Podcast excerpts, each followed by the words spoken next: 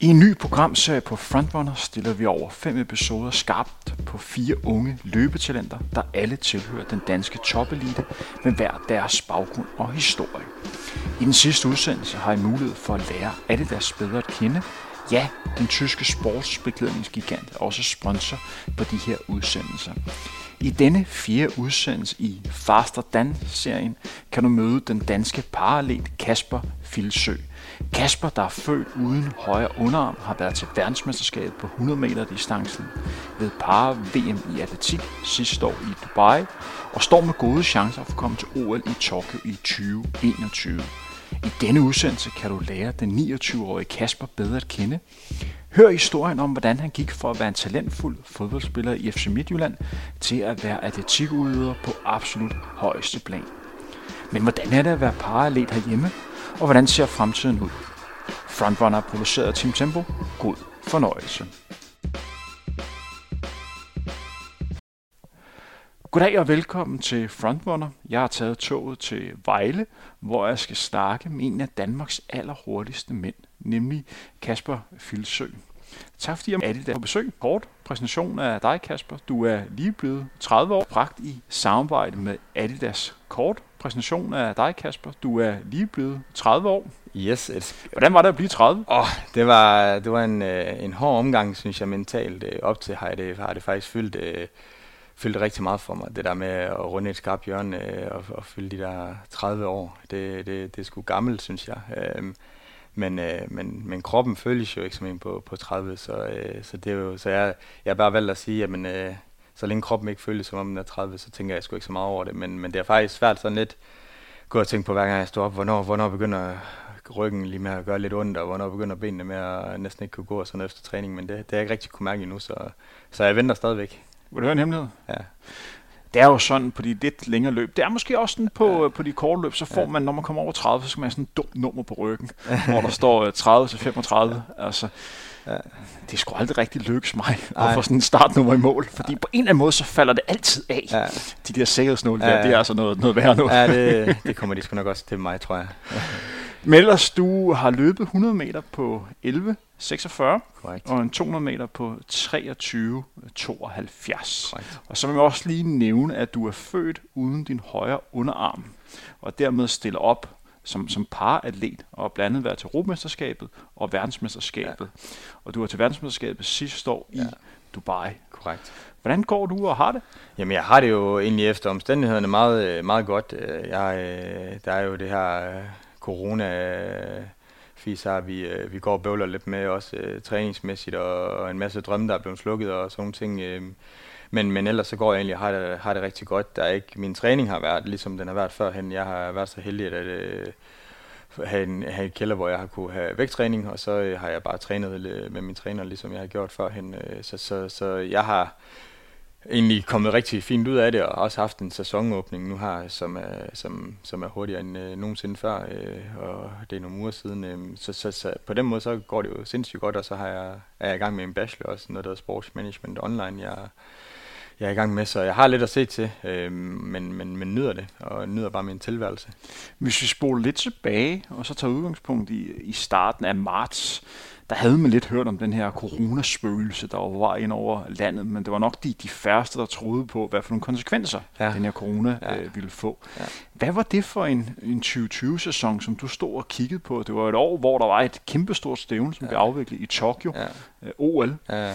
Hvor stod du der i, i marts måned? Kan du huske det? Ja, det, det kan jeg faktisk godt, øh, fordi øh, det, det sjove var, at lige øh, da den kom op her i, i Danmark, der var jeg ude og, og, og feste lidt med nogle, øh, nogle gutter i Aarhus. Øh, en, der hedder Benjamin Lobo Vedel, øh, som man også kender inden for atletikverdenen. Øh. Som vi også skal snakke med ja, i den her programserie her. Han var så sød at invitere mig til sådan en, øh, han er lige flyttet til Aarhus, der er så sådan en indflytterfest øh, sammen med nogle af dem, han bor med, og så... Øh, jeg var faktisk, øh, jeg købte nogle corona til øh, den der øh, corona-øl der.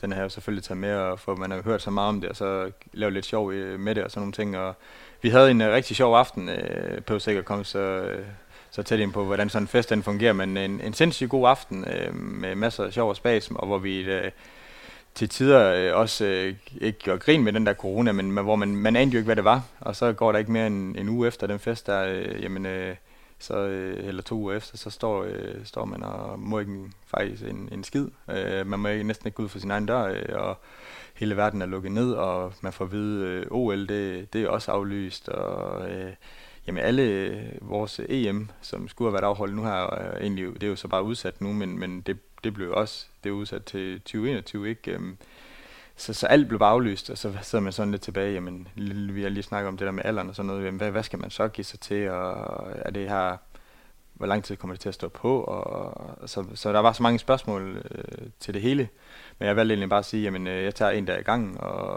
og så fandt jeg nogle, nogle andre ting at lave i, i den ligesom fritid, jeg nu fik, fordi man kunne ikke rigtig lave noget, jamen, så begyndte jeg med at spille lidt ekstra Xbox med nogle kammerater og sådan noget, men, men det var bare et kæmpe chok, øh, noget man egentlig fordi man har hørt om det så meget i medierne før, og man ikke rigtig, man anede jo ikke, hvad det var, så man gået og gjort lidt grin med det, og nu, og nu er det bare noget, der fylder så stor en uh, del i hele verden, og for virksomheder også, altså, hvor man nærmest får lidt uh, dårligt smittet, hvor man er gået og drukket i en corona.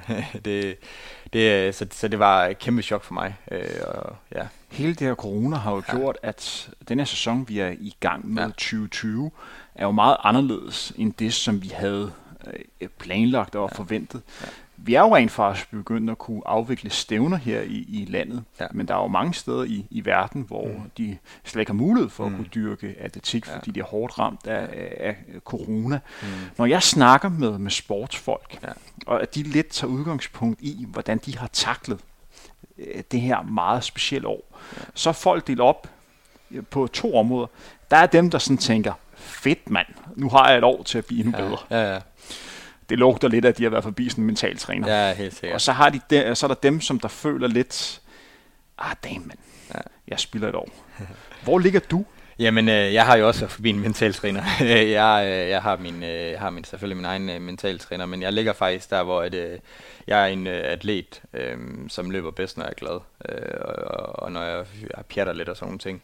Så jeg har, øh, jeg har det, jeg har været forbi den, øh, jeg, skulle, jeg, var, jeg var helt nede motivationsmæssigt. Øh, både fordi man, man, man ligesom ikke rigtig kunne forstå, jamen, hvad, hvad sker der? Øh, og hvad kommer der til at ske? Og er det et helt år uden øh, stævner og sådan noget, øh, hvad vi går ind i nu her? Men, så jeg var, jeg var sådan helt nede i, i kulkælderen, kan man godt sige, men, men kom hurtigt op igen, også efter samtale med en mentaltræner på ligesom at sætte nogle nye mål. Jeg, har, jeg sætter altid nye mål for, for ting, øh, og, og, og det bliver jeg ved med at gøre, øh, også selv når jeg stopper med atletik, så finder jeg nogle andre mål. Øh, men der brugte jeg øh, sådan noget som det sociale øh, aspekt, og, og, og stadigvæk prøve at sætte nogle, nogle, nogle mål i vægtrummet, for det havde jeg mulighed for. At sætte nogle mål, når jeg var til træning, jamen prøve at konkurrere mod mig selv, øh, og, så, øh, og så prøvede jeg på den måde. Men, men det var egentlig, der, der havde jeg lidt mere fokus på, jamen okay, det kunne godt være den her corona øh, ting her, den kom på et heldigt tidspunkt, for jeg havde en masse eksamener, så kunne jeg måske gå lidt mere i dybden med det, og så være tilfreds med mig selv på den, på den måde. Så hele tiden prøve at finde et eller andet, øh, og, og, og give mig i gang med, og, og ligesom at, at sætte mig sætte min passion i det, og det var så på det tidspunkt lidt med noget eksamener, som også gik rigtig fint. Men, men, men der følte jeg netop, der havde jeg ikke en undskyldning om, at jeg havde ikke rigtig tid til det. Øh, og der er nogen inden for atletikverdenen, der siger, at det er pauserne, man bliver god af. Og den har jeg hørt så meget, så jeg tænkte, nu får jeg i hvert fald en lidt længere pause, øh, end man har regnet med. Så, så forhåb, forhåbentlig kan jeg blive god af den, og så måske sætte min passion et andet sted i, i en kort periode. Og det var jo måske to uger, hvor jeg, hvor jeg virkelig var, var ude og holde en, en, en decideret pause, ellers så har jeg jo bare trænet fuldstændig hårdt på. Så helt konkret, så, så har løsningen for dig været at sætte andre mål. 100 procent. 100 procent. Og, øh, og det er det også, øh, det er jo noget, jeg ligesom kan bruge den her coronakrise her til. Det har jo været at, øh, at finde ud af, jamen, når der kommer nogle begrænsninger, som jeg også har haft mange af i livet, øh, så er det bare igen det der med at blive ved med at tro på sig selv og sætte andre mål. Og så ligesom se muligheder i de her, i de her begrænsninger. Og det må man sige, coronakrisen har jo også været med til at sætte begrænsninger for alle. Så, så, så mit budskab til andre er det også, hvis man sidder helt nede i kuldkælderen, det er at sætte, sætte nogle, nogle mål, eller sætte nogle, nogle, nogle, nogle ting, man gerne vil med livet, fordi at livet stopper jo ikke, bare for at der er en coronakrise, du er der stadigvæk. Nu har jeg jo sådan set lige lagt min øh, kasket med, hvis jeg nu tager ja. den op igen, og så ja. siger jeg, nu tager vi den egoistiske ja. kasket på. Ja. Kan det ikke på nogen måde være en, en fordel for dig, når vi har fokus imod OL næste år? som i princippet handler meget om, hvis du skal med der, som Ja. er dit store mål, så handler det om at få den, den bedst mulige rangliste placering. Er det sikkert. korrekt forstået? Det er korrekt, det er sådan i... at, at omstændighederne har gjort, Jo. at du står i en situation nu, hvor du har mulighed for at kunne træne og konkurrere og gøre dig endnu bedre, hvor nogle af dem, som du skal konkurrere med, Ja. måske ikke helt har de samme muligheder Helt som dig. sikkert, helt sikkert. Det, det, det, det er jo selvfølgelig ikke noget, man, man er stolt af at sige, men, men når man spiller Matador, man spiller Kalder her, man spiller alle mulige spil, så er det da lige meget, hvem man spiller med, så hvis man har mulighed for lige at, at tage, tage, tage nogle fordele, så gør man det. Og, øh, og sådan har jeg det også med, med atletik, øh, og, og det her, det ser jeg jo som en kæmpe fordel for mig, fordi jeg har haft mulighed for at træne og vise også resultatmæssigt, at jeg egentlig er lige så god eller bedre, end jeg har været førhen. Så jeg ser det jo ser det som en kæmpe fordel, og, og glæder mig bare til, at det hele her det bliver åbnet op igen, så jeg kan komme ud og konkurrere mod nogle af mine konkurrenter, for ligesom at, at vise dem, jeg har i hvert fald ikke øh, hvilet på lavbærne. Øhm, så, jeg, så jeg ser det jo som en kæmpe fordel, og, og ser det måske også lidt som en, øh, kan man sige, ven, hvis man skal vende helt om og sige, jamen det er jo ikke, det er jo ikke held i, i uheld, eller det er det jo på en måde lidt, men, men man ser også værende som en, en, en ekstra håndstrækning om, at prøv at nu har du... Øh, nu har du fandme bare vise, hvad, hvad du kan, og så, øh, og så gå efter det, du har, du, har, du, har, du har drømt om, eller du vil. Kasper, du var jo med til verdensmesterskabet ja. i atletik Ja. i, øh, I Dubai, ja. i Dubai Ja. i oktober-november. Ja, det var, år. ja, det, ja. Jeg har lykkeligt glemt øh, tidspunktet, men, øh, men ja, det var der, øh, der, der Hvordan var det at være til verdensmesterskabet i paratletik?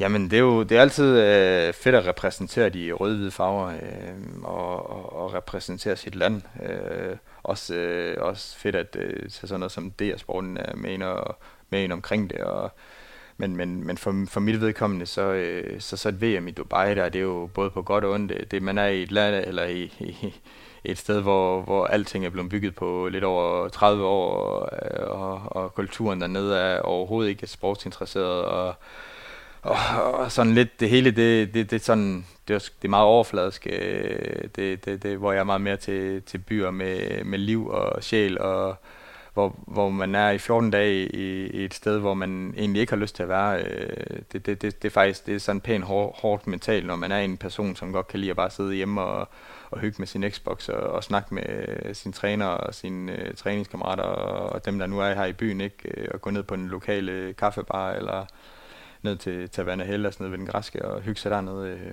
og, og det, det, har man bare ikke, når man er til sådan nogle stævner, der er i 14 dage øh, sammen med nogle mennesker, man, der er nogen, man med selvfølgelig godt øh, snakker med, men der er også mange af dem, man ikke snakker med til hverdag, og ikke nogen, man vil snakke med til hverdag. Ikke ondt, noget ondt øh, sagt om dem, man er afsted med på turen, men, men det bliver bare kedeligt. Øh, jeg, jeg, øh, jeg er en person, som som virkelig elsker at, at, at, at snakke og have det sjovt og, og, og, og ligesom melde byen rød og gøre, gøre alle andre mennesker glade. Øhm, og det, det, det er bare svært, øh, når man er ligesom lukket ind i en, i en, i en boks. Selvfølgelig har vi et landshold med nogle dygtige trænere, som er gode til at sige, jamen, I, I må gerne gå ud på, på tur og sådan noget, og tage ud og selvfølgelig også se Dubai Mall og sådan noget, men det, det er bare... Øh, det er bare ikke det samme, som når man er herhjemme, øh, og man, man, man er afsted og sådan noget til, i det hele taget, når man er til sådan nogle mesterskaber, så synes jeg, man skal passe på med at tage afsted for lang tid. Øh, men, men når man tager til Dubai og sådan noget, så er man nødt til at tage afsted i, i god tid før, på grund af øh, rejsetiden, og selvfølgelig for at få noget træning i ordentlig kvalitet i træningen dernede inden, og så vende sig til det.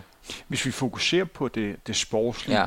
Jeg sad faktisk og så Ja. mesterskabet, Ja. som, som du var med i. Ja. Og øh, jeg plejer også af interesse Ja. at sidde og se, når der er øh, OL Ja. ja. i, øh, i, i parasport. Og gang på gang bliver jeg overrasket over det høje sportslige niveau. Ja. Vi kan ikke forvente, at alle dem, der, sidder, eller alle dem, der hører denne udsendelse, Nej. også sidder og følger med. Kan du lige sætte et par ord på, hvor højt sportsligt niveau der egentlig talt er til det verdensmesterskab, du er en del af? Helt sikkert. Øh, man kan vente om at sige, nu, nu, nu kan jeg jo øh, bedst tale om den, den kategori, jeg er i, men man ser det jo også, øh, når jeg er afsted på, på ture, der ser jeg jo også selv, hvor, hvor god niveau der er rundt omkring. Vi er masser af kategorier, der er delt op, øh, og, og min kategori, armamputeret, er klart den, den allerhårdeste. Det, det er der ikke nogen tvivl om overhovedet i forhold til deltagere, men også i forhold til, til niveauet. Øh, hvor, hvor den bedste øh, i min kategori, han øh, har lige sat verdensrekord også i, i år, øh, og han vil, han vil være den hurtigste, øh, han vil måske være lidt efter Christoffer Heim, men ellers så vil han øh, kunne løbe sig til en, til en anden plads øh, her i, til, til DM også øh, i Danmark. Øh, og, og, og der ligger nogle som, som vil også, øh, det der finalefelt, det vil, det vil i hvert fald være i toppen af, af poppen også her i Danmark, og det, det er sådan, den kategori, den, den er bare øh, sindssygt, øh, det er sindssygt højt niveau, og øh, det er der jo selvfølgelig også med de ben, der er amputeret, så når det bliver bedre, der, øh, der er bare for, meget forskel på, hvor mange atleter der er i de forskellige kategorier, øh, og på kvindesiden er det også blevet noget bedre, der øh, førhen har vi, man har været afsted, så har der måske været øh, en konkurrence, hvor der kun var fire deltagere i en direkte finale, og det ser man ikke så meget mere. Øh, så det er en, en sport, som er totalt øh, på vej op, og øh, også i Danmark, hvor man er blevet bedre til at rekruttere atleter, der mangler øh, ben og arme og synshandicappet og sådan ting. Øh, så, så, så det er en sport, som, som er på vej op, men, men det er også en sport, hvor man skal være bedre til at få, få promoveret det.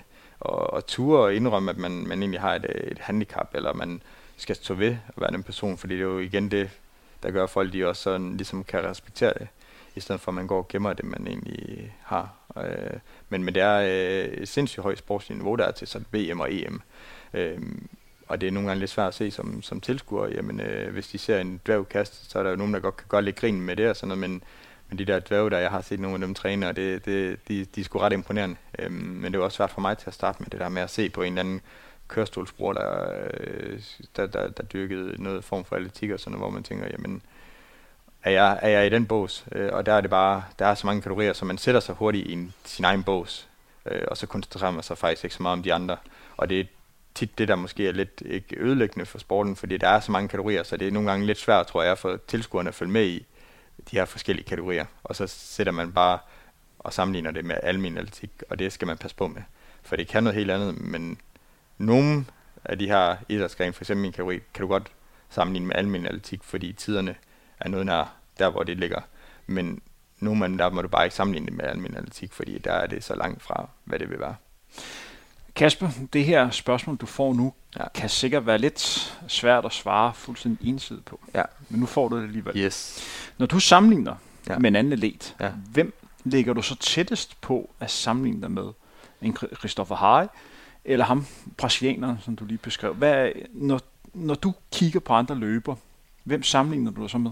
Jamen altså, det er klart her i Danmark, så sammenligner jeg mig ikke med nogen parliter, fordi der er kun mig, øh, som løber så hurtigt, som jeg gør. Øh, og, øh, og det forhåbentlig også, øh, det kommer jeg, jeg kommer forhåbentlig til at løbe noget hurtigere, så jeg, det, mange år frem øh, håber jeg jo, at der er mange, der vil sammenligne sig med mig øh, som parliter, men jeg tror ikke, der er nogen, der kommer til at løbe hurtigere end mig, øh, parliter i Danmark. Øh, forhåbentlig ikke. Øh, men, men, men det er klart, hvis jeg kigger på, hvis man tager nu, nu selvfølgelig Christopher Hay, fordi han har en dansk rekord, øh, øh, eller ham brasilianeren, så er det jo klart, at jeg kigger måske mest på, på brasilianeren, fordi det, han mangler en arm, og, øh, og, og på den måde, så, så kan jeg jo øh, ligesom kigge lidt mere på ham og lære lidt mere, hvad, hvad gør han, øh, og, og, og det er jo nok det, jeg, kan man sige, gør, men, men, men det er jo klart, at her hjemme i Danmark, så anser jeg mig mere som en, en, en atlet end en, en paratlet, fordi at det, her i Danmark, der løber jeg kun med, med atleter og ikke paratleter. Øh, så det er Kasper, der dyrker atletik, ja.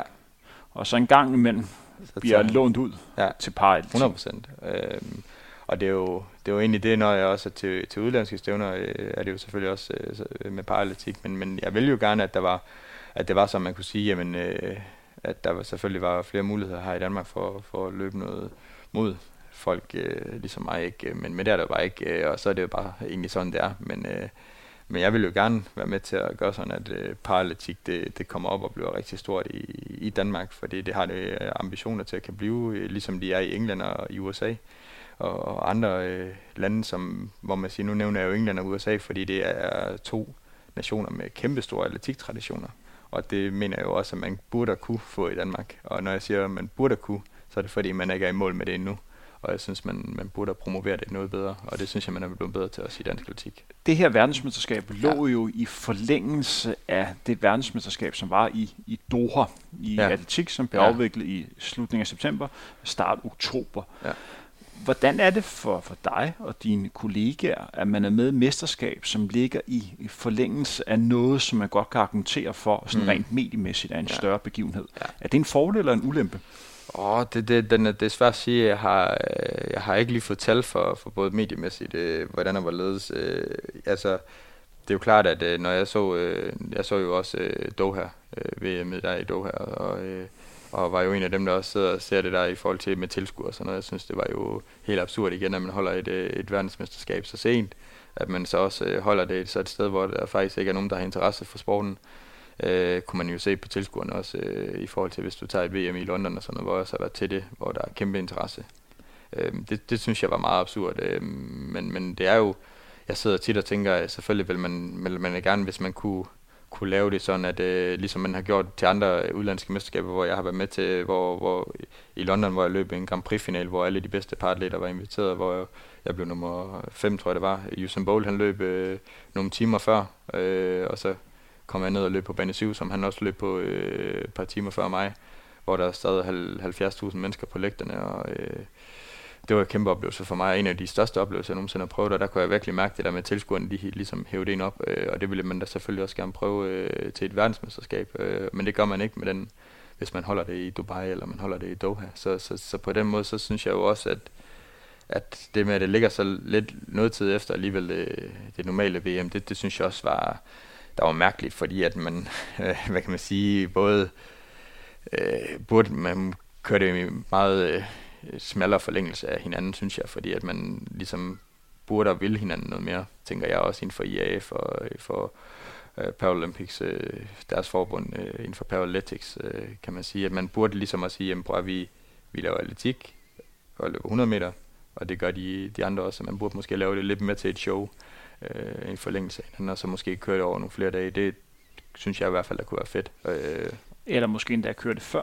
Ja, helt sikkert, helt sikkert. Vil det ikke have været bedre? Det ville 100 procent, 100 procent øh, også ligesom en lille appetizer til det, det, det er helt sikkert. Øh, og så øh, selvfølgelig også at holde det, selvfølgelig, det har man også gjort før, i, i de samme byer. Det giver bare god mening.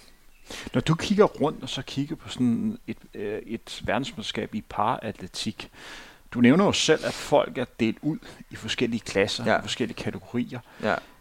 Og du nævnte også lidt tidligt, at udfordringen øh, for seeren derhjemme mm. er lidt at vurdere, hvad er et godt resultat, ja. og hvad er et dårligt resultat. Ja. Hvordan er det for dig? Kan du vurdere, hvad der er et godt resultat? Ja, det kan man jo selvfølgelig på, på tider og sådan noget, også i, i kast og sådan noget. Øh, men, men det er jo klart, at hvis man sætter en verdensrekord, så er det jo et godt, ret, godt resultat, øh, og det er jo nemt at se. Det er bare ikke altid, man lige sætter verdensrekorder. Det der det der sker, øh, synes jeg, der er skidt i, paralytik, det er, at der hele tiden bliver ændret på de her kategorier. Øh, ikke så meget i vores kategorier med armarmorteret, der er vi bare, vi er tre kategorier, der er slået sammen. Dobbelt armarmorteret, øh, ligesom mig, en, der mangler en arm, og så er der så måske nogen, der mangler øh, lidt af en håndled og sådan noget. Vi har T45, T46, T47.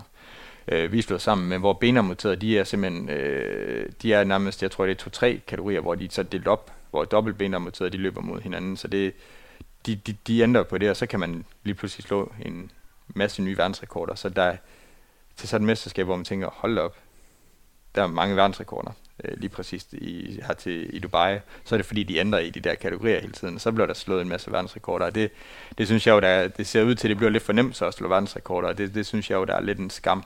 Øhm, men, men det er jo klart, at når de spørgsmål lidt i forhold til, hvornår gør man det godt, det gør man jo, når man, når man løber hurtigt, eller når man kaster langt, øh, og der, øh, der, skal man jo, der synes jeg, det skal være lidt op til, til, til seerne, eller at, sige, jamen, hvad, hvad er egentlig godt, øh, og det er jo svært at sige, jamen, hvad er godt, når du mangler et ben, når du ikke mangler et ben, og det er jo derfor, den er lidt svær med det her paralletik, fordi man vil gerne sammenligne med, med det almindelige, men det kan man bare ikke. Inden for langdistancescenen mm. har man jo meget fokus på her de senere på år, mm at bruge carbon mm. i løbesko. Mm. Ja, ja. Du har de her carbonplader, som ja. er videnskabeligt vist, ja. at det giver løberne en fordel. Ja. Fordi simpelthen kommer mere op på forfoden, yes. og dermed får mere kraft, når de ja. trykker ned. Ja. Det her skal ikke være en snak om, hvor mange øh, procentvis forbedring man får. Nej. Men alt det her, det kommer jo ja, ja. fra øh, måske en af de største paralleter, ja. som har været, nemlig Pistorius for, ja. Sydafrika, yes, øh, som var benamputeret og, ja. og, og løb med de her proteser. Yes der er jo mange sådan lignende tilfælde mm. inden for, inden for paratletik. Hvor meget man snakker man om det? Uh, altså, øh, det, det er et sindssygt godt spørgsmål, fordi det er jo noget, man snakker om, og det er også noget, øh, det er også noget, der deler vandene, og jeg har også snakket rigtig meget. Nu er en af mine øh, rigtig gode kammerater, øh, mangler jo øh, ben, og hedder Daniel Wagner, også øh, benamputeret, og, og han er jo en af dem, der nørder rigtig meget i de her ben her. Øhm, og og øh, jeg synes, det man skal måske, sådan, man, jeg synes, man skal tage en egen vurdering på det, så gå ind og kigge på sådan en som Markus Rehm fra Tyskland af på hans Instagram. Han er, jeg ved, Andreas Trikowski, som har Jumpers World, og han, han bruger ham tit i hans øh, video også øh, på, på Instagram, og, og det er jo klart, at, at når du ser ham hoppe, så ser det jo helt vildt ud. Det afsæt, han øh, ligesom giver i benet, øhm, og, og det er svært for mig, når jeg ikke mangler et ben, men jeg har, det, mit spørgsmål det leder hele tiden tilbage, og det nu spørger jeg også Daniel om, hvorfor hopper I ikke på de raske ben? Øh, og selvfølgelig øh, kan man sige, jamen, jeg tror, at de egentlig erkender, jamen det er nemmere for dem at hoppe på det ben med protese, fordi det giver et bedre afsæt.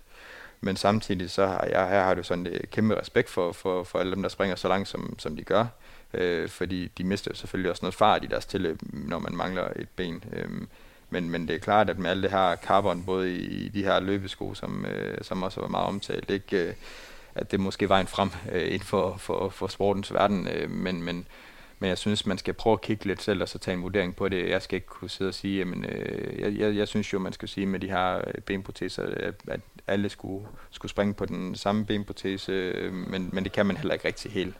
Så, så det, det, det, den er sådan lidt svær, øh, men jeg, det er jo klart, at jeg mangler ikke ben, så jeg, har, jeg er måske ikke eksperten til at tale om det. Men det her, det er jo en, en farlig diskussion. Ja. Men nu får du alligevel sådan en, ja. en presbold. Ja. Ham tyskeren, som du skriver, ja. han har jo et, et længdespringsniveau, ja. der gør, at hvis han rammer det optimale spring, ja. så kan han jo få medalje. Ja. Hvis du sammenligner med ham nogen af øh, mm. dem, der, undskyld mit sprung, springer under lidt mere normale mm. øh, vilkår. Ja. Skulle han også have mulighed for at kunne få en medalje til, hvad kan man sige, det, øh, hvad kan man sige, øh, det mere regulære OL? Jamen det, det, det, det, som du nævner, det er et farligt spørgsmål, for jeg vil jo gerne, være, øh, jeg vil gerne bare kunne sige, at det synes jeg, han burde.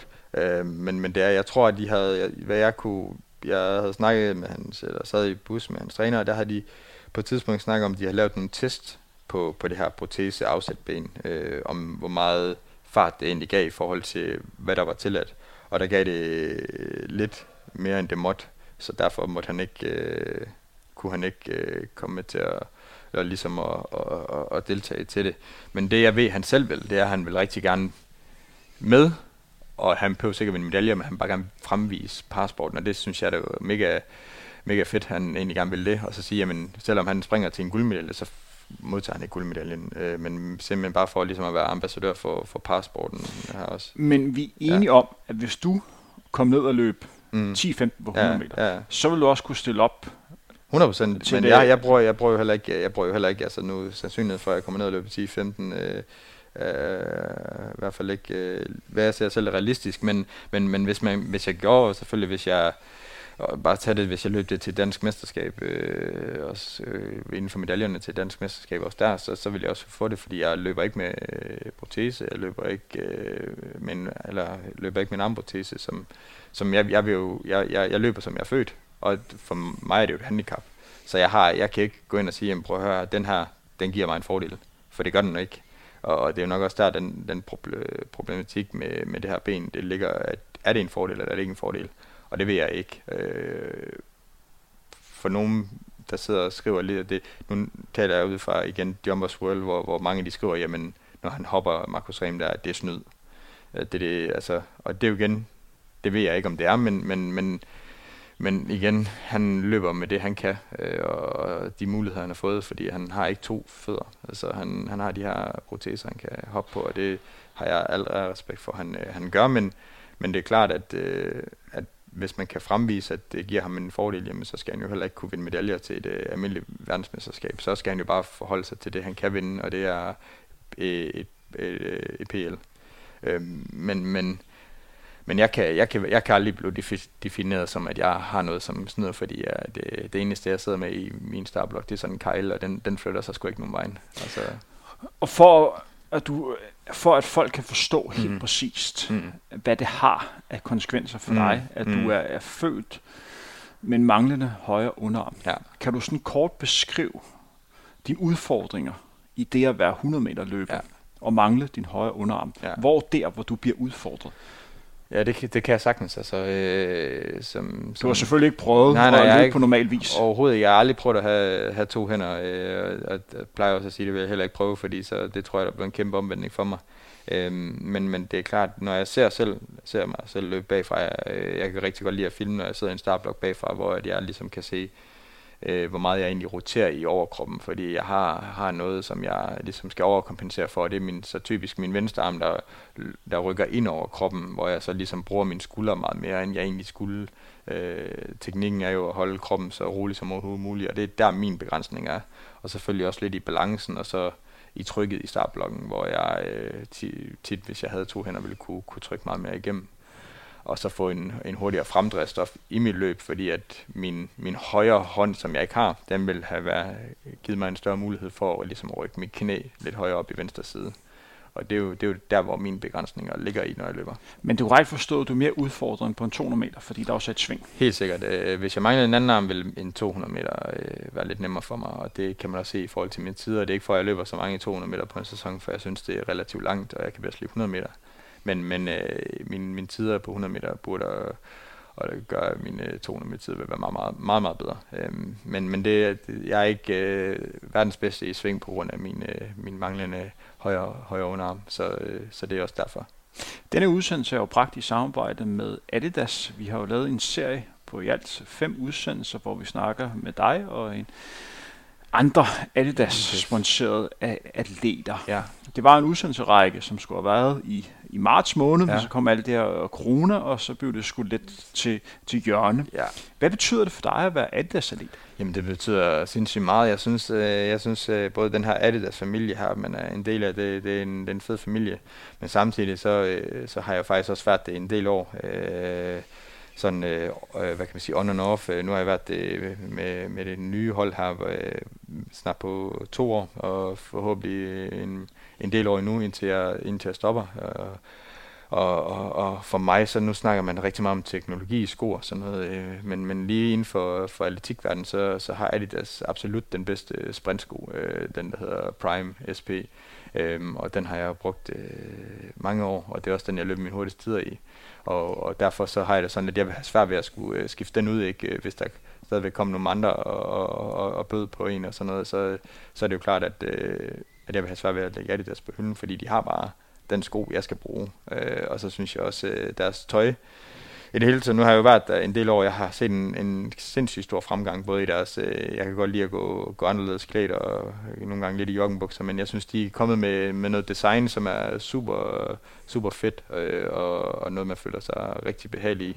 Og så øh, er de også øh, forhåbentlig øh, snart ude med en sko, som kan, kan drille Nike lidt i forhold til de her carbon-plader øh, her. Øh, og, men, men ellers så, så, så, så er jeg jo bare super bæret over at være en del af, af så et hold også, og lave en masse fede øh, reklamer med dem og komme på tur. Øh, jeg, har jo, jeg er jo så heldig, at øh, jeg, nu er jeg tidligere fodboldspiller, og så var jeg jo med Adidas en, en, en dag ude i noget, der hedder Hafnihallen, hvor der var en masse unge mennesker, der ville gerne tage spillere med og sådan noget, og vi skulle skyde lidt øh, til en fodbold, og, og så kunne jeg jo lade være med at udfordre øh, øh, ham, Brice, øh, Brian Mingel, og så en, øh, en der hedder Hani Mukhtar, og, øh, både i en crossbar challenge, øh, og så se, hvem der kunne skyde hårdest i en fodbold, og, og, og den vandt jeg jo selvfølgelig. Så, øh, så, så, så, så, så nogle, sådan nogle events som det, det synes jeg også, der er sjovt, man møder en masse nye mennesker øh, omkring de her sportsgrene. Og vi må lige nævne, at de to personer, du refererer til, ja. Det er en tidligere Brøndby-spiller. Yes. Han er Mutter, som nu sp- spiller ja, et så sted i i Nashville. Nashville. I, ja, jeg skriver lidt med ham i ny og næ. Øh, Han er jo over i det her crazy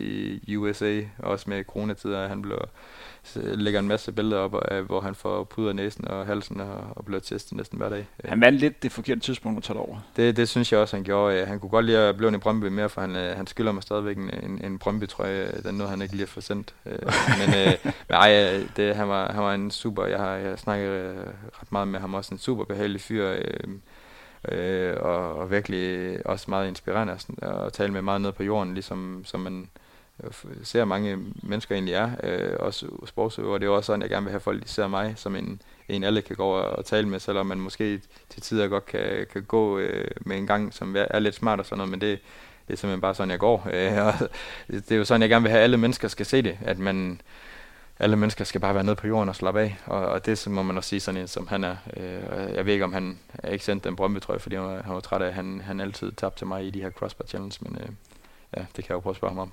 Og den anden, som der var med, det var ja. ham, som er meget kendt for Fuss. Ja, ja, futsal og freestyle, uh, Brian Mengel der, han, uh, han, uh, han kan godt nok nogle tricks med en fodbold og lave tunneller. Det, han lavede også en del tunneller på mig den dag, men det kan man ikke rigtig bruge i en fodboldkamp. Det er jo ikke det, man laver mål af. Så, så uh, ej, han tog mig med, med bukserne ned et par gange. Det, det var ikke så sjovt.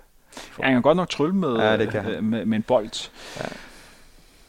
Din start ja. med atletikken.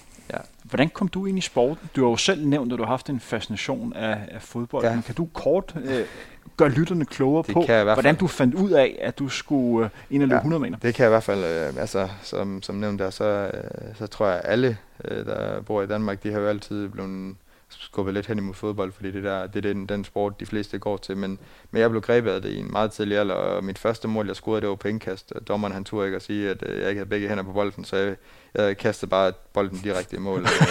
så, så på den måde, så, så blev det, det var, det var der, jeg så fandt jeg så ud af, at jeg skulle være angriber senere hen, og så scorede jeg øh, en masse mål på samlebånd i en, i en relativt tidlig alder, og var to år i, i, på et uh, talenthold i Midtjylland også, øh, og, og, og det gik jo sindssygt godt, og det skulle jo... Må jeg lige stoppe dig ja, her? Ja.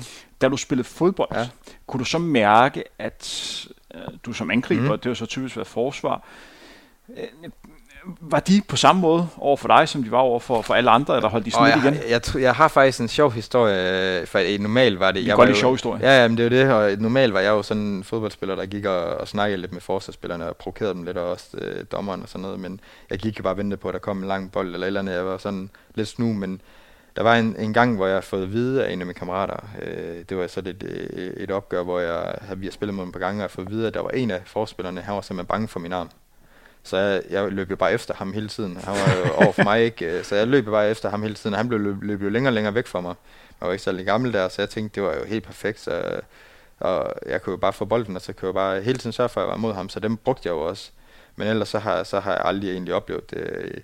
Det jeg egentlig, jeg brugte det meget, øh, fordi jeg vidste jo godt, dommeren, ham, hvis jeg bolden ramte min arm, så ville han aldrig dømme frispark. Fordi der var ikke hånd på bolden. Så jeg brugte den tit som en fordel. Og det er ligesom, jeg prøver at gøre med alle de ting, jeg egentlig gør. Altså at se, jamen, jeg bruger min arm rigtig meget i hverdagen også, når jeg laver mad og alle de der ting. Øh, men men der, der, der, der brugte jeg min arm lidt måske som nogle snydtricks. Du ved, skubbede lidt til en spiller og slog ham lidt i maven med min arm, og når jeg var oppe i en hovedstødstuel, så i stedet for, så var det lidt nemmere med den her albu at ramme ham med, med eller et eller andet, du ved. Så jeg, jeg var jo sådan lidt lidt snu på den måde, men, men man brugte den jo også nogle gange, når bolden kom, så kunne jeg lige skubbe den til siden, med, så jeg fik en aflevering til mig selv nærmest med arm, for dommeren dømte den. Jeg prøvede en gang, hvor dommeren han har dømt den, hvor han siger, at du har arm på bolden. Jeg siger, det er jo ikke hånd på bolden. Øhm, men, men, men, så jeg brugte det jo meget, og, og det har givet mig, øh, jeg har også scoret med den, ligesom, øh, jeg, jeg vil ikke kalde det Maradonas skyldende hånd, det, eller arm, man kan jo kalde den Kaspers skyldende arm, da jeg scorede med den, øh, i stedet for hovedet, du ved ikke. Øh, så jeg har jo endelig igen, ligesom øh, min hverdag set muligheder. Så gjorde jeg også det, når jeg spillede fodbold, så prøvede jeg jo ligesom at bruge den som mulighed. Men på et eller andet tidspunkt fandt du ud af, at dit talent for sprint, ja. øh, skal vi sige, større? Ja, altså man kan i hvert fald sige det. Jeg tror, jeg, det er svært at sige med fodbolden, fordi at det, øh, jeg har ændret mig øh, personlighedsmæssigt rigtig meget øh, under atletik, øh, fordi jeg har aldrig været den der person som fodbold, der trænet ekstra øh, kun øh, når jeg synes det var sjovt. Jeg, var, jeg, jeg, jeg ramte måske en alt for tidlig alder, hvor jeg synes det var øh, både familiemæssigt og sådan nogle ting for tæt på i forhold til, at jeg havde mistet en søster også. Øh, så det, det var bare på et forkert tidspunkt, jeg egentlig var alt for god til fodbold, øh, og så gad jeg bare ikke træne, og jeg gad ikke øh, blive bedre end de andre. Jeg kunne ikke se et formål med det. Hvor øh, i atletik, der har jeg det sådan, jeg elsker at træne, og jeg skriver til Anders, øh, som er min træner, øh, Sækmuse, der øh, hvornår skal jeg træne? Kan jeg det her? Må jeg gerne det her? Du ved, jeg, igen finde balancekamp, hvornår træner man for meget, hvornår, hvordan er så, du ved.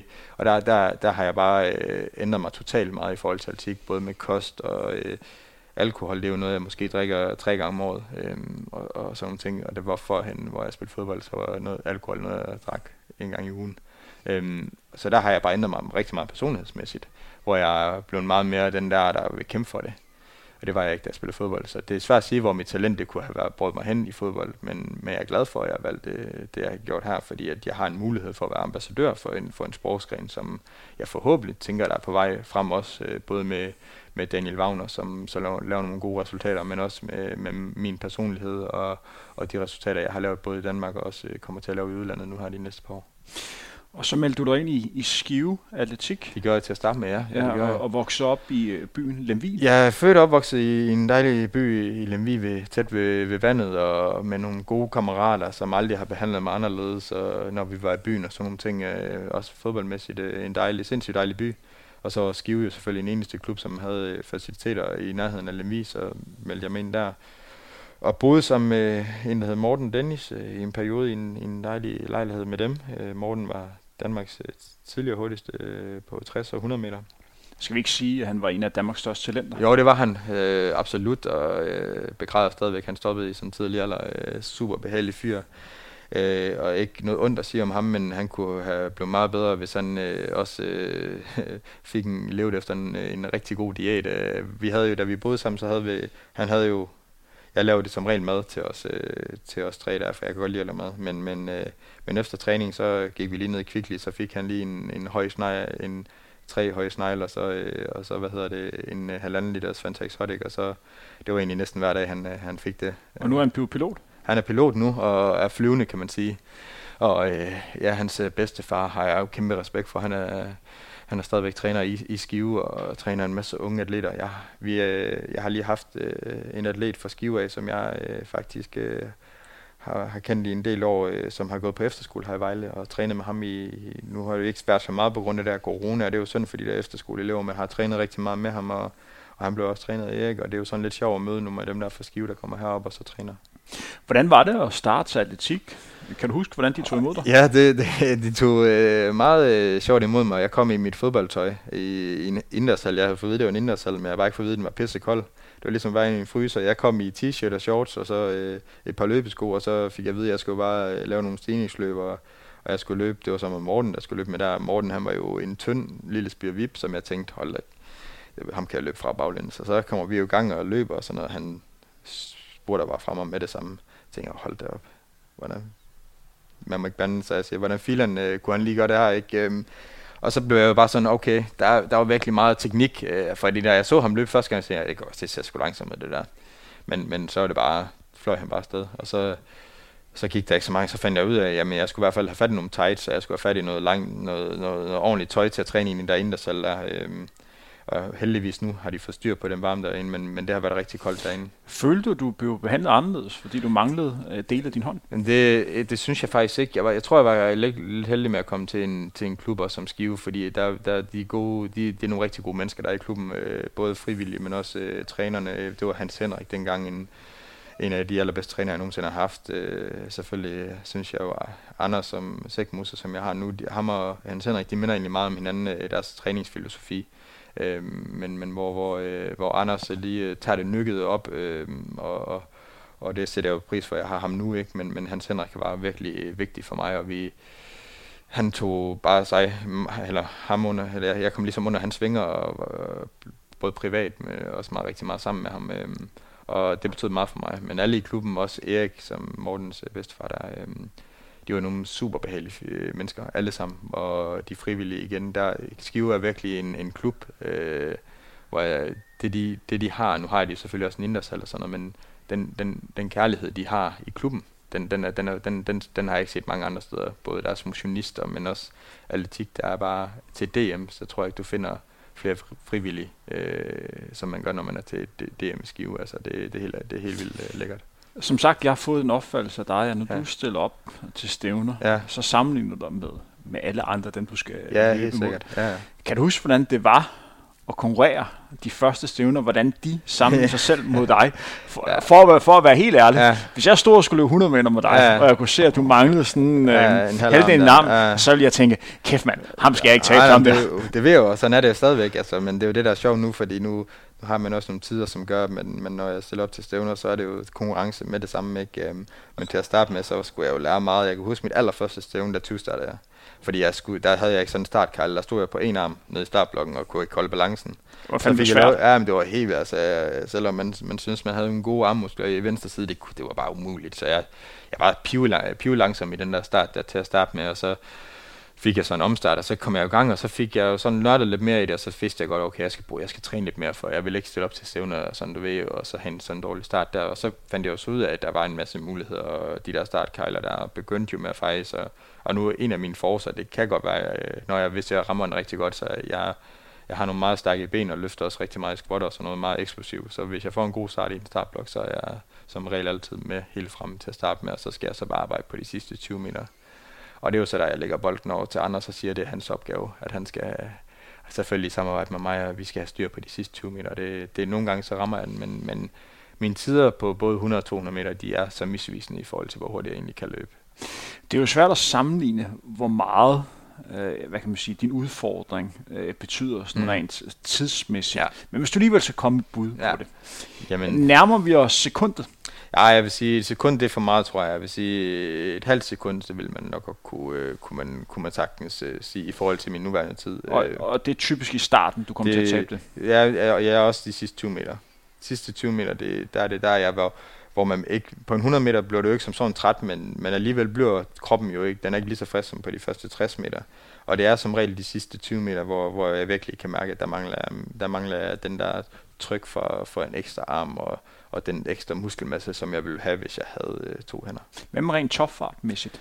Øhm, der, der, der, der skal vi have både skal vi have lavet lidt øh, test på det, men, men topfartmæssigt, det er også der, hvor man ligesom, når du kommer op i flowet, for jeg når hurtigt en god topfart, men når jeg så skal op og flow, for eksempel de sidste 30-20 meter der, så, så er det der, at jeg ligesom kommer til at miste, fordi at jeg ikke har den der momentum i, i trækket med min arm.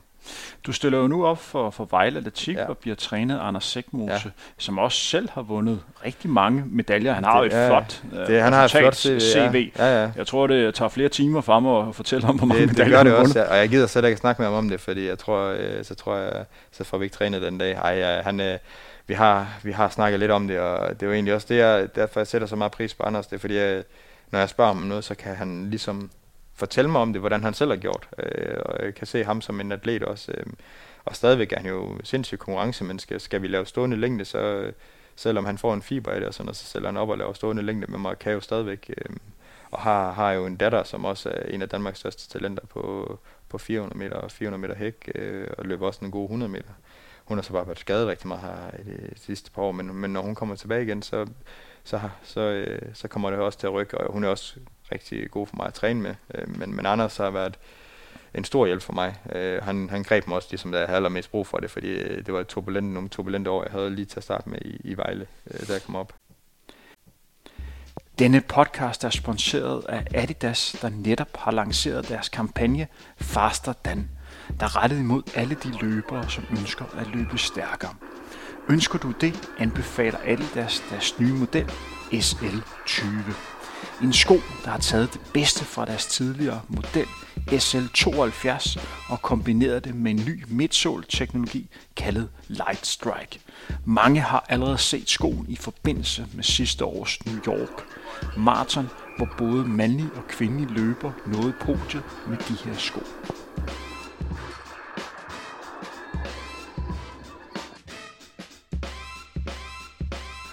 En kort gennemgang af en typisk ja. træningsuge for dig. Kan man sige, hvad en typisk træningsuge er? Ja, det kan man sagtens. Uh, Anders har en filo- filosofi om, at vi har, uh, vi har for eksempel, så kan man have mandag, så laver jeg noget vægt, og så uh, tirsdag noget sprint, og så onsdag noget aktiv restitution, hvor jeg tyder, jogger en lille tur og laver noget opvarmning og og, og nogle udstræk og noget core, og så øh, torsdag, der står den på intervaller. Øh, jeg plejer at kalde dem dødsintervaller. Det, det der torsdag, det er ligesom der, jeg, det lyder der dør. Ja, øh, det, det, torsdagen, det er den hårdeste uge, øh, og så fredag, så har jeg noget letvægt, øh, noget teknikvægt og noget spring også, øh, ligesom mandagen, men hvor det, det er lidt lettere vægtpas, hvor det bare er... Undskyld, jeg lige stopper ja, det her. Ja. Øh, når jeg tænker vægttræning ja. og dig, ja det må, der må være nogle udfordringer, er der ikke? Helt sikkert. Altså, øh, det er jo også igen det der med, at vi snakker om, hvad kunne man, hvor hurtigt kunne man egentlig blive, hvis man havde to hænder. Jeg kan jo for eksempel ikke lave øh, frivind, øh, som er en god sprintøvelse øh, også, øh, og en eksplosiv øvelse. Øh, og jeg har det sådan, hvis jeg skal lave noget i vægt, så skal det også være teknisk ordentligt, og dødløft og sådan noget, det kan jeg godt med nogle bælter, men det kommer bare til at gøre sindssygt ondt i mine skuldre og sådan noget. Så der, der er mange ting, jeg ikke kan lave i et vægtrum, men der er også mange ting, jeg kan lave. Øh, og så er det jo bare at arbejde med det, jeg kan lave. Øh, og der har både Anders også været god til det, men også været, jeg har haft en masse andre ind omkring det også. Men, men der er en del, jeg kan lave i vægt. Og hvad specifikt kan du lave? Øh, jamen, jeg kan lave squat, der, der, der løfter jeg en del. Øh, jeg har en PR i, i dyb squat om vinteren, på, hvor Anders han, han sagde, nu må jeg ikke øh, køre med, hvor jeg kører to gange op og ned med, med 100, det var 150 kilo og jeg vejede 69 kilo. Øh, så så, øh, så det, det var pænt jævnt godt. Øh, og så, øh, så kører jeg selvfølgelig øh, Nordic hamstring og, og, øh, og ryg og mave og, og alle de der, øh, man kan man kan jo nemmere, det er nemmere at forklare, hvad jeg ikke kan lave. Det er jo det der, jeg kan jo ikke tage bænkpres, det giver sig selv, jeg har ikke to hænder. Øhm, og jeg kan igen ikke lave frivind og, og lave noget, hvor jeg skal bruge to hænder.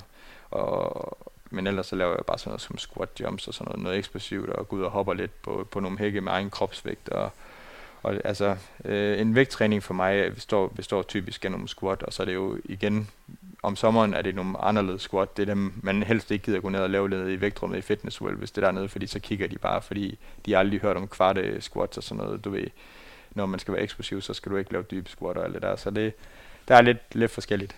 Hvad med de sidste dage på ugen? Vi er nået til fredag. Ja, ja fredag, øh, så øh, der, der øh, laver jeg lidt, lidt vægt igen, men det er ikke så tung vægt, som jeg gør for eksempel om mandagen især ikke om sommeren. Nogle gange om sommeren, hvis jeg har stævner lørdag, så har jeg jo selvfølgelig ikke vægt fredag.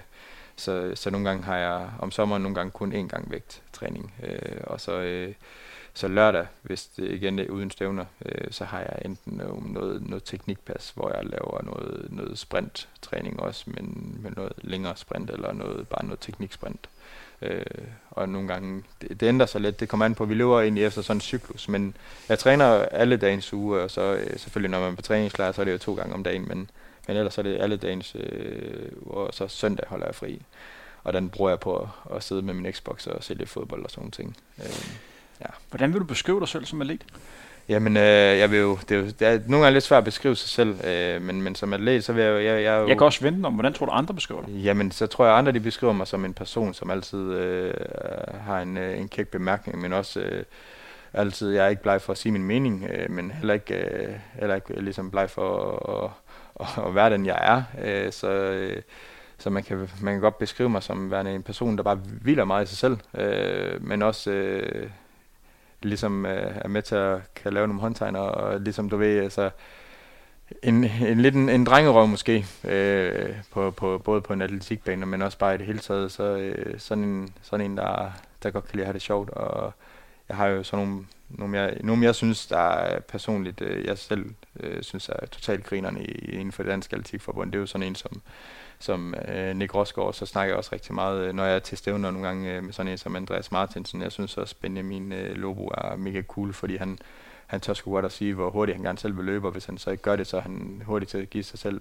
øh, sit ansvar over på sine skuldre. Men, men der er bare nogle personer, jeg synes, der, der er mega cool, og jeg synes især inden for, for mellem langdistance, der synes jeg, man gør noget, noget mega fedt, både de der... Øh, de unge gutter der, Joel og, og Alex og Wang der, og de der, de, de, jeg synes, de er gode til at promovere øh, langdistanceløb, øh, også øh, Jakob Dybt eller jeg synes, de, de, de rammer i hvert fald noget, jeg, jeg synes, der er mega fedt, både på de sociale medier og sådan noget, øh, og det tror jeg godt, man kunne sige i sprint-communityen, der, der kunne man godt lære lidt af, af, af langdistance, og få lavet nogle, nogle sjovere løb og sådan noget, få set det som et event, og så bruge hinanden meget mere, og det er jo det, jeg egentlig, tror mange, de ser egentlig også mig som værende en, der, der godt kan snakke med alt og alle, men, men, men jeg er ikke bange for at sige, hvis jeg synes, at en er en klovn, så siger jeg sgu også, at en er en klovn. Hvorfor tror du, øh, at det er sådan inden for, for sprintverden? Er egoerne for store? Ja, det tror jeg, 100%. Øh, det er jo måske også det selv. Jeg, jeg, kan bedst lide, jeg kan bedst lide, når folk de snakker om mig. Øh, men, men det er jo klart, at hvis man skal kigge sammen på det, hvis man vil fremover stepperne, så er man nødt til at bruge hinanden for at blive bedre. Men skal man have et stort ego for at løbe stærkt på sprint? Hænger de to ting det, ikke sammen? Det, det, det, gør det, det gør det, og det er også derfor, at man, når man sidder i en startblok, det er der nogen, der er gode til, så skal man vinde for enhver pris. Øh, og, og, og, øh, men, men når du så ikke sidder i en startblok, så skal du, så skal du øh, også tænke på, hvordan kan jeg få bedre forhold? Hvordan kan jeg måske få bedre sponsorater? Hvordan kan vi promovere det her sammen? For en, del, for en del af det at være sprinter er vel ja. også attitude? 100 procent. 100 procent. Og, og den, den tænker jeg i hvert fald ikke, nu spurgte du selv i forhold til, hvordan med, med, med, med jeg ser mig selv. Øh, sådan noget som attitude, det er i hvert fald ikke noget, jeg mangler. Det gør jeg heller ikke som fodboldspiller, men det, det mangler jeg heller ikke øh, som sprinter. Øh, men, men det, det synes jeg også, man ser meget med, med sprinter i dag. De, øh, det, er nogle, det er nogle flotte, både, øh, nu, nu snakker vi mænd, det er nogle, det er, de kan rigtig godt lide, øh, lide sig selv og sådan noget. Det er sådan, det skal være, men, men det er også noget, jeg synes, man skal være bedre til at vise øh, til, til, hvad hedder det, hele øh, sportsverdenen i, i Danmark, at øh, prøv at høre her, sprint, det, det kan noget, men, men hvad, hvad er det, det kan? Og det er det, jeg mener, det synes jeg øh, faktisk øh, mellem langt, de, de, de er blevet gode til at gøre, både øh, sådan, de tager, nu er det lidt nemmere måske bare at tage ud og løbe en, en tur ud og lave nogle konkurrencer ude i, på landevejen, som man gjorde ikke for så lang tid siden, men det kan man jo også sagtens med sprint, hvis man gør det for sjov, men det skal også passe med ens træning, men man skal være bedre til, til ligesom at, synes jeg, at inddrage hinanden og, og få gavn af hinanden. Øhm, det, det gør jeg også. Jeg lærer jo også af nogle af mine sprinter kollegaer, øh, og jeg har jo mange hvad hedder det, kammerater, som, som blandt andet en, en coach, som er en af mine rigtig, rigtig gode venner, øh, som jeg også lærer noget af, og omvendt forhåbentlig kan jeg også lære ham noget. Vi har jo trænet sammen før, øh, så, så vi skal jo lære hinanden en masse for at gøre hinanden bedre, og det, det, det, det, synes jeg, øh, det synes jeg godt, man kunne være bedre til, fordi at atletik er sådan meget lukket, jamen så har man nogle klubber i København, og man har nogle klubber i Aarhus, og så konkurrerer man lige lidt mod hinanden, og man, men, men det er sådan, ligesom, synes jeg, ikke, det er ikke sådan åben community, som man, man har, øh, hvor man måske i, i udlandet, der er det sådan lidt mere, jamen, ja, hvis man snakker lidt i USA, der, der er alle gode, og øh, alle, der er ikke den der med, du kan ikke det der, du skal ikke det der, det er, du kan det der, altså you can do it, og det, det synes jeg godt, man kunne bruge lidt mere i Danmark, det der med, i stedet for at pege, pege fingre af hinanden og sige, det der, det kan man ikke, og dine mål, du har sat, de, de er håbløse og sådan noget. I stedet for at sige, jeg tror, jeg tror på dig, jeg tror, du kan gøre det. Så jeg synes, man, der skal man være bedre, øh, og det, det synes jeg faktisk, man ser lidt i, i mellem langt nu her, at der er tro på, både på sig selv, men jeg synes også, det ser ud til, at de, de, er, øh, de er på vej til at, og ligesom at bakke op om hinanden. Og jeg ved ikke, om det er mig, der har misforstået det, eller om det er de sociale medier, der lyver, men, men jeg tror, jeg tror ikke, jeg er den eneste, der deler den, den mening. Jeg synes, der, der sker et eller andet, øh, både på godt og ondt, man kan også sige, med Thijs' resultater, så sker der også et eller andet. Og med Abdi også, og, men også med Jakob Dybdal eller dem der. Jeg synes, de der gutter og Mikkel også, altså, de, laver, de laver nogle gode resultater, men det ser også ud til, at de gerne vil hinanden, og de gør hinanden bedre. Ja, jeg tror, det, det er rigtig vigtigt, at man som atlet, nu tager vi udgangspunkt i, i mellem langdistance, ja. fordi jeg tror på nogen måde, at der også lidt forskel på det at være hvad kan man sige, være 100 meter løber, og så langdistanceløber. Jeg vil godt lige forklare, øh, hvad jeg mener med det ja. efterfølgende. Men hvis du gerne vil være god ja. langdistanceløber, så er det også rigtig, øh, rigtig vigtigt, at du tænker, at hvis jeg er med til at gøre den anden person god, ja. så er der også større chance for, at den person gør mig god. Nemlig. For de ting hænger sammen. Det er sikkert. Der er ikke rigtig nogen, der kan tage rejsen alene. Nej. I så fald bliver det en meget hård rejse, fordi konsekvenserne er hårde, fordi træning er så ekstrem. Helt sikkert. I forhold til, til sprints, fordi attitude er så vigtigt. Tror du så ikke, at meget meget i det at være sprinter også sådan at, at puste sig selv lidt op og vise, kæft jeg er sej, og kæft jeg er overskud og har den her ja, ekstra power.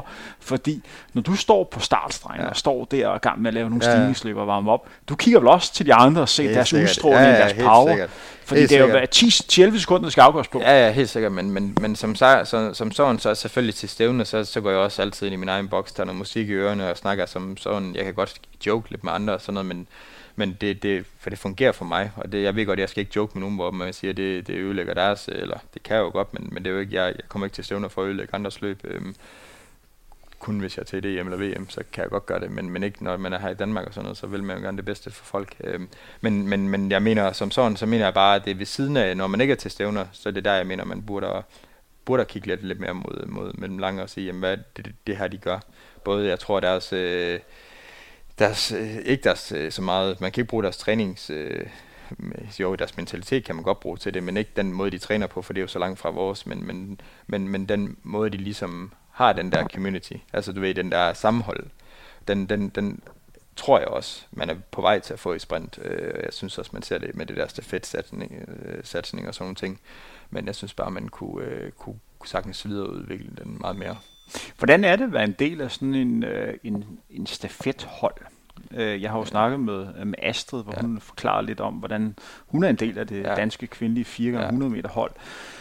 Men at løbe på sådan et hold med mm. massiv ego, ja, ja. Øh, og bare det, jeg kunne forestille mig, bare det kan være svært, det er, hvem skal ja. løbe sidste tur? Ja, ja, helt sikkert. Det var faktisk, for mit vedkommende, jeg har jo været en del af, nu vi har vundet øh, DM-bronze på, på, på stafet med skive øh, Øh, indendørs, øh, og øh, hvor jeg løb tredje tur, og Morten han løb fjerde tur, øh, og og det er jo klart, at øh, det er jo egentlig som sådan, øh, så er det altid, som sagt, det kommer an på, det er jo træneren, der laver holdet, ikke? Øh, men, men det er jo enten den hurtigste, der løber sidste tur, eller det kan også være den første tur, den der har den hurtigste start, ikke? Men, men det er jo klart, at jeg synes, det er også noget, jeg håber, vi får inden for paralytik, at vi kan lave et mixet hold med nogen, men det, vi skal bare have nogen, der er lidt hurtigere. Øh, så vi kunne få et, øh, et sindssygt hurtigt stafethold der. Det er jo en af mine håb, fordi jeg elsker stafet. Jeg elsker det der med, at man også er sammen om noget. Men, men også, øh, normalt så øh, kan jeg jo også godt lide at løbe sidste tur på en stafet, øh, eller, eller tredje tur, det er ligesom der, det skal afgøres. Øh, og, så det håber jeg jo, at der også kommer, og jeg har løbet en del stafetter med skive og udendørs indendørs, så jeg har også været med til at vinde en, en, en stafet, hvor vi blev disket på grund af mig, fordi at jeg simpelthen øh, kastede den der depeche så hårdt ned i jorden, efter jeg løb over målstregen, fordi at der var nogen, der havde glemt at, det var i Aalborg, der var nogen, der havde glemt at, at fjerne startblokken lige foran målstregen, så jeg skulle simpelthen hoppe over den. Og det blev jeg lidt sur over, men så, så blev vi, øh, det var til, til DT, og så blev vi disket på grund af det. Det gør jeg så aldrig igen. Øh, så, øh, så stafet, det kan et eller andet. Også øh, rykke folk sammen, at man ligesom er et hold. Og det er jo også det, fodbold det kan. Øh, og det er derfor, jeg tror, der er så mange, der går til det, det der sammenhold.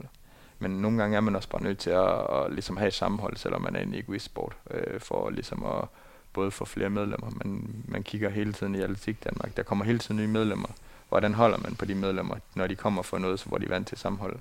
Og der tror jeg, at det er vigtigt, at man også har nogle atleter i klubben, der er med til at give lidt liv og glæde dag. Og det, det vil jeg i hvert fald personligt, at det, øh, det, er, det, det, det mangler jeg i hvert fald ikke.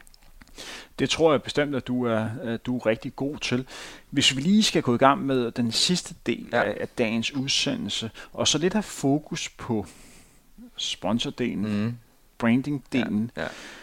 Hvor bevidst er du om, hvad du signalerer udadtil. Ja. Jeg, for, ja. jeg sad og forberedte mig til, ja. til dagens udsendelse. Ja. Vi optager her i Vejle, og ja. Begyndte at, og, hvad kan man sige, gøre mig klar til udsendelsen mm. Øh, for et par dage siden, og brugte en del tid på også at være inde på dine sociale medier. Ja. Det virker som om, at du er meget bevidst om, hvad du lægger op, og hvad du gerne 100%. vil, vil udstråle. 100 procent. Øh, jeg vil jo gerne være, jeg vil jo gerne være kendt som en, en, en sportsøver, som, som selvfølgelig kan, kan lidt ekstra end at være en sportsøver. Øh, jeg har nogle holdninger, som til tider godt kan være øh, stærke, og igen, jeg tør, tør godt at sige, hvad jeg mener, øh, men, men samtidig så vil jeg også kunne, gerne kunne stå inden for det. Jeg er ligesom bliver sponsoreret af, eller, eller laver aftaler med, og, men samtidig så, så synes jeg også, det er vigtigt, at mine, mine sociale medier, de signalerer, hvem jeg er som person.